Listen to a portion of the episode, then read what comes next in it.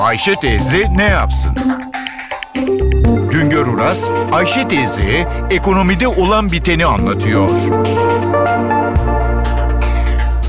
Merhaba sayın dinleyenler, merhaba Ayşe Hanım teyze, merhaba Ali Rıza Bey amca.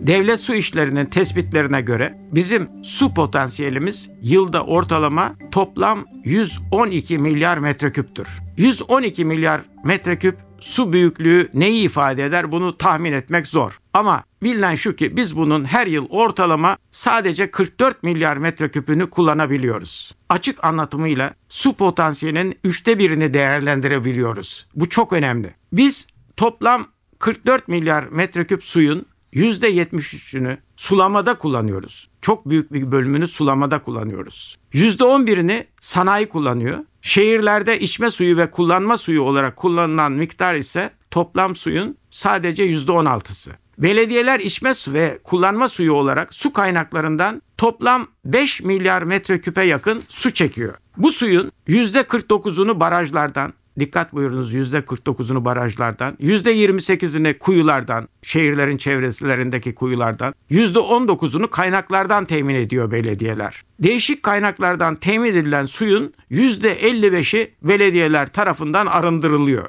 Yani böylece Türkiye nüfusunun yaklaşık %47'si arıtılmış su kullanabiliyor. Belediyelerin değişik kaynaklardan çektikleri suyun kişi başı günlük miktarı İstanbul için 186 litre, Ankara için 217 litre, İzmir için 223 litre. Türkiye ortalamasına göre belediyeler değişik kaynaklardan kişi başına ortalama 216 litre su çekiyorlar. Genel bir kanı şu ki Türkiye'de kişi başı günlük su kullanımı 150 litre ile 200 litre dolayında. En fazla su abonesi olan şehirler 4 milyon 700 bin ile İstanbul, 1 milyon 800 bin ile Ankara, 1 milyon 300 bin ile İzmir. Abone sayısı 20 binin altında olan iller ise Hakkari, Tunceli, Bayburt, Ardahan ve Kilis illeri. Sonuçta görülüyor ki barajların su durumu çok önemli. Belediyelerin su kaynakları içinde barajların ağırlığı %50'ye yakın. Yağmur yağmaz ve barajlarda su olmaz ise içme suyu şebekesine su temini güçleşiyor. Barajlar dışında belediyelerin toplam su temininde kuyulardan ve kaynaklardan temin edilen su neredeyse barajlardan temin edilen su kadar ama yağmur yağmadığında yeraltı suyu da kaynak suyu da kuruyor. Açık anlatımıyla yağmura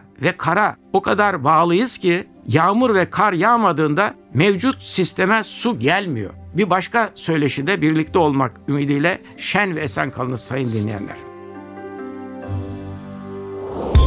Güngör Uras'a sormak istediklerinizi ntvradio.com.tr adresine yazabilirsiniz.